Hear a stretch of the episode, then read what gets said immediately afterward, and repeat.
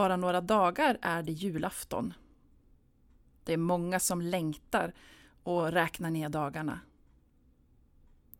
Jag har själv ett väldigt kluvet förhållande till julen. Å ena sidan har jag barndomens något förskönade minnen av snö i drivor, massor av julklappar under granen och riktigt god mat i stora lass. Förväntan som låg i luften. Julklappspyjamasen som åkte på och julmatsrester mot kvällningen sittandes i mormors soffa.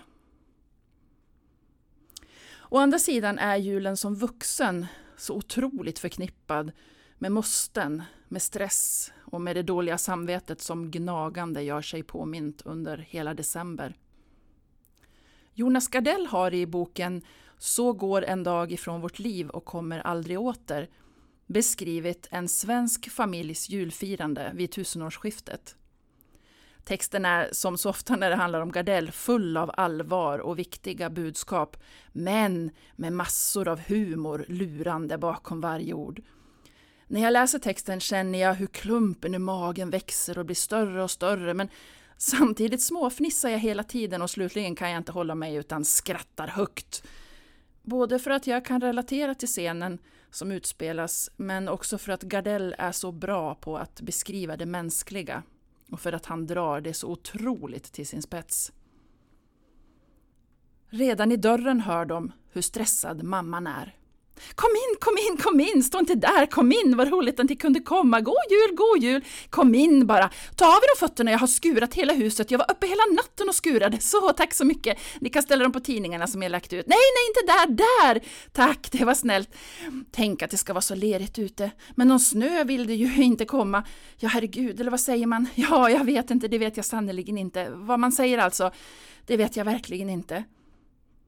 Med händerna knutna över bröstet står hon hukad över Anna och Håkan medan de på knä kränger blöta overaller, stövlar och vantar av Niklas och Jesper. Hon kramar inte barnbarnen. Det gör hon aldrig. Hon är inte sån. Men hon bekymrar sig. Det är hennes sätt att älska någon.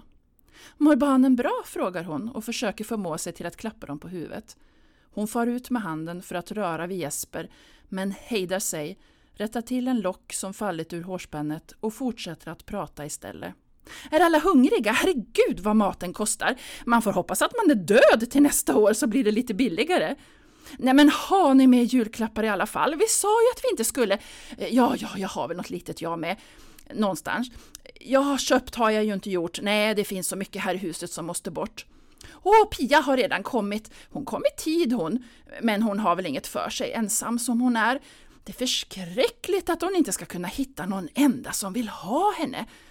Jag satte henne att skala potatis. Något ska hon ju, hon ju göra också.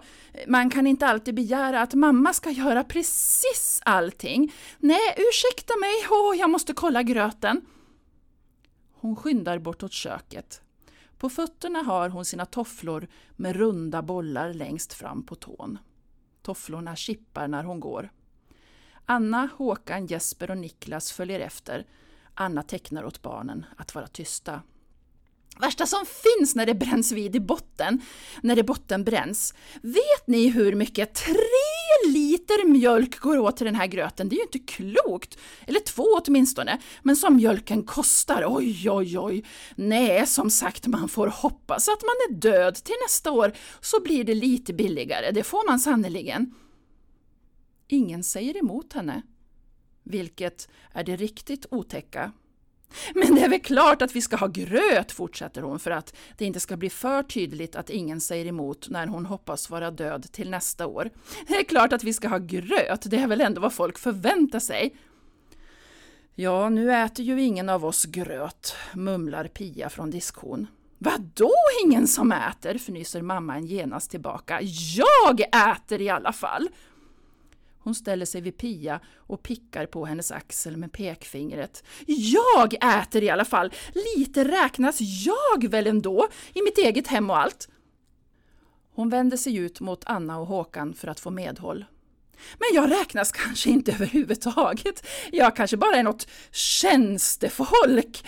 Hon skrattar åt sin egen tokighet men tystnar strax och tar sig för tinningarna, blundar och mumlar något för sig själv. Meningen är att de andra ska förstå att hon mumlar för att inte besvära dem med det onda i hennes huvud som plågar henne och spränger henne i bitar. Men för säkerhets skull upprepar hon högt. Förstår inte, säger hon. Förstår inte! Det känns som om jag skulle få migrän. Så att de vet. Så att de inte ska ta miste. Sen slår hon ihop händerna och ler. Nåja, kan inte hjälpas och är det jul får man bita ihop. Ingen svarar henne. Anna söker Håkans blick för att få stöd. Håkan stirrar in i väggen. Över diskhon står Pia böjd. Hon har redan skalat flera kilo potatis. Hårt kramar hon potatisen hon håller på med. Hon gör grimaser ner i potatisbaljan. Hon anförtror potatisen fula, fula svordomar och inne i henne växer alla gamla oförrätter, allt det oglömda och oförlåtna. Moderns spända röst tränger igenom huden och in i blodomloppet, ut i nervbanorna, in i märgen, punkterar lungorna och gör det svårare att andas. Den ekar i Pias magsäck, skallrar i hennes ryggkotor, tar hennes hjärna i besittning som ett spöke. När moderns sista ord klingat ut blir det förfärande tyst. I några sekunder skådar de in i sig själva och ser att de inte vill vara där de är. Ingen säger något. Både Pia och Anna vet att fristen snart löper ut. Någon måste hitta på något att säga. Och Anna ska just till att säga något om att hon ser att julkrubban är på plats i år igen. Nämen titta, där har vi julkrubban, så ska hon säga. Och hon ska säga det glatt och enkelt och göra allt bra. Hon ska just höja armen för att peka och säga det där om julkrubban som hon tänkt ut när morden inte väntar längre. Värst vad ni verkar molokna, är det något som är fel? klagar hon och de hör på hennes röst att hon när som helst kan börja gråta. Är det något fel? Är ni inte på gott humör? Ska ni inte vara lite glada nu när det är julafton och allt? Ska det vara så mycket begärt efter alla ansträngningar att ni är lite glada? Jag är glad, fräser Pia surt. Jag också! ropar Anna. Jag är jätteglad! Sen tystnar hon på en gång för det lät så falskt att till och med hon själv hörde det. Håkan harklar sig och får ur sig en floskel om blodsockerhalten som ju är låg innan Anna lyckas samla sig och ropar Nämen se, där har vi ju julkrubban! Snälla mamma, vad fin den är! Ja, och nu är potatisjävlarna skalade, fräser Pia från andra sidan graven och lämnar köket. Under större delen av måltiden står modern upp för att dirigera de olika skålarna med mat åt olika håll. Håkan, lite äppelmos. Pia, skicka ärtorna till Jesper. Vad, sä vad säger ni, äter Jesper inte ärtor? Ja, det är klart att Jesper äter ärtor, det gör ju alla. Lax någon? Lax? Hon står med laxfatet i handen och hötter nervöst med det som en auktionsförrättare åt olika håll. Lax någon? Lax? Anna, kan du vara snäll och skicka smöret? En snabb blick runt bordet. Men nu har Jesper ändå inte tagit några ärtor. Vad är det här för någonting? Så, nu ska mormor lägga för lite ärtor åt Jesper. Jo, det ska mormor. Kokar det enligt konstens alla regler. Varför äter ingen av leverpastejen? Jag stod uppe en hel natt för att göra leverpastejen och då kan jag åtminstone smaka, annars blir jag faktiskt ledsen. Är det någon som ska skinka? Skinka någon? Den kostade 59 kronor kilot, men så är det piggham och allt vad det heter nu för tiden, är det ingen som ska ha. Hon väger fatet i händerna. Det är ju flera kilo, man kan inte slänga flera kilo skinka. Inte är 59 kronor kilot, det gör man bara inte. Vill Jesper gå från bordet? Med ärtor kvar på tallriken, nej vet du vad, vad man tagit äter man upp. Anna ger sin mor en desperat blick. Nåja, det är ju julafton. Ska vi kanske inte bry oss om någonting? Inte om någonting alls. En kola ska väl Jesper ha i alla fall, varsågod. Tog vet inte hur många timmar att koka. Som på ett givet tecken skulle alla kunna släppa sina bestick och skrika rätt ut. Men istället är det Pia som får ett ensamt litet utbrott. Men hysteriska jävla kärring, ät skit och dö! Kan du inte sätta dig ner och låta oss äta i lugn och ro? Skriker hon plötsligt. Helt opåkallat. Som en blixt från en klar himmel. Deras mamma förstår, ursäkta mig, inte någonting. Nej, nu förstår jag ingenting, säger deras mamma och ser både häpen och oskyldig ut. Och där finns ju heller inget att förstå. Kanske har Pia sovit illa på natten, eller också har hon mens. Hon är ju så överspänd. Det var hon redan som barn. Skulle krångla och ha sig. Uff och fy för problem med temperamentet. Nej, nu tar vi lite skinka och glömmer det här tråkiga. Ja, alltid är det någon kastrull som kokar över, försöker deras mor skämta bort det när Pia blir sur. Det är då Pia gör det. Det är då hon reser sig och griper efter skinkan. Hon klämmer om den med bägge händerna så att senapsgriljering rinner genom hennes fingrar som blöt lera. Anna försöker få fram sina händer för att hejda henne, men kommer av sig, för det Pia gör är bestämt av Gud. Hennes vrede är Guds vrede. Niklas börjar gråta. Jesper är mest fascinerad. Båda förstår att det Pia gör är förskräckligt. Hon skriker Förbannade jävla fitta! till sin mor. Jag hatar dig! Samtidigt som Anna försöker hejda henne lyfter Pia skinkan med sina liljevita händer.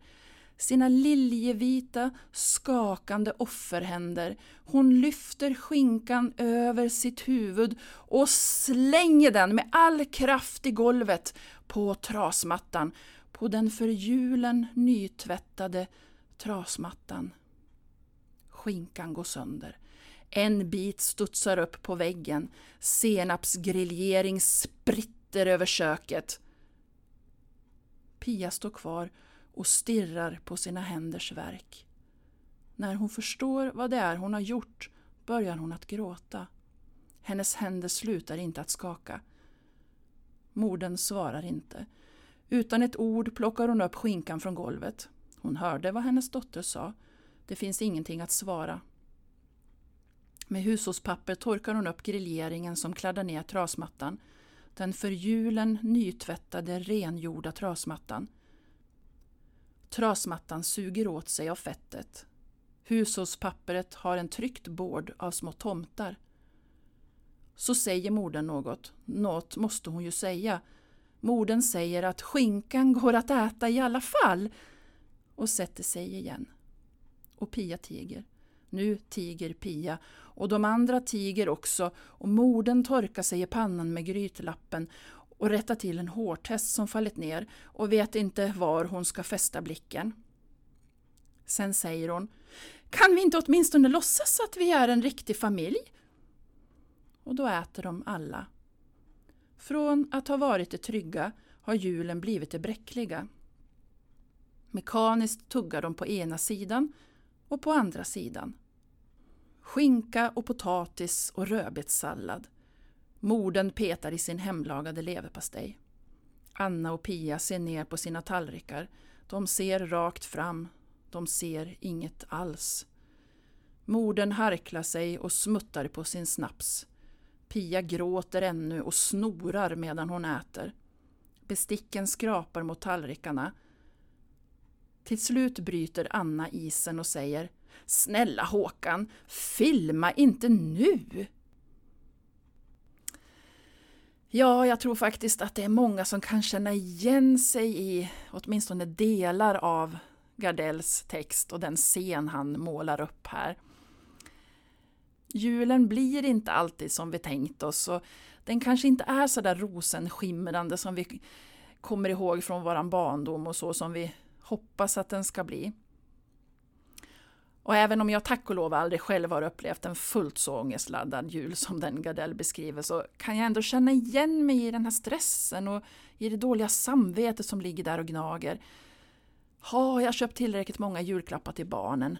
Blir delar av släkten ledsna om de inte får komma på julmiddag? Måste jag verkligen grillera skinka och koka knäck? Blir barnen upprörda om vi inte har någon julgran? Vissa år har jag faktiskt bara velat strunta i alltihop och resa långt, långt bort. Men i år ser jag faktiskt fram emot julafton. En hel del oro och dåligt samvete finns där, men först och främst känner jag att jag ska njuta.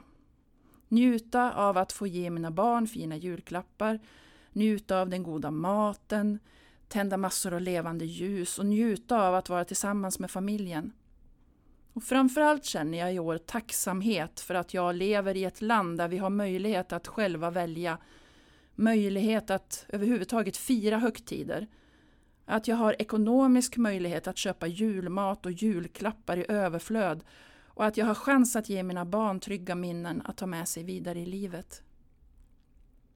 Jag vill med detta poddavsnitt bara två dagar före jul ägna en särskild tanke åt alla i vårt land och i resten av världen som inte har samma möjligheter som jag och min familj.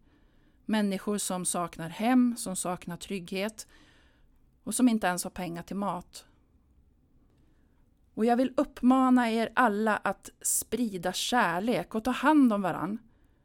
Och om du, liksom jag, har möjlighet så hoppas jag att du skänker en slant till något välgörande ändamål.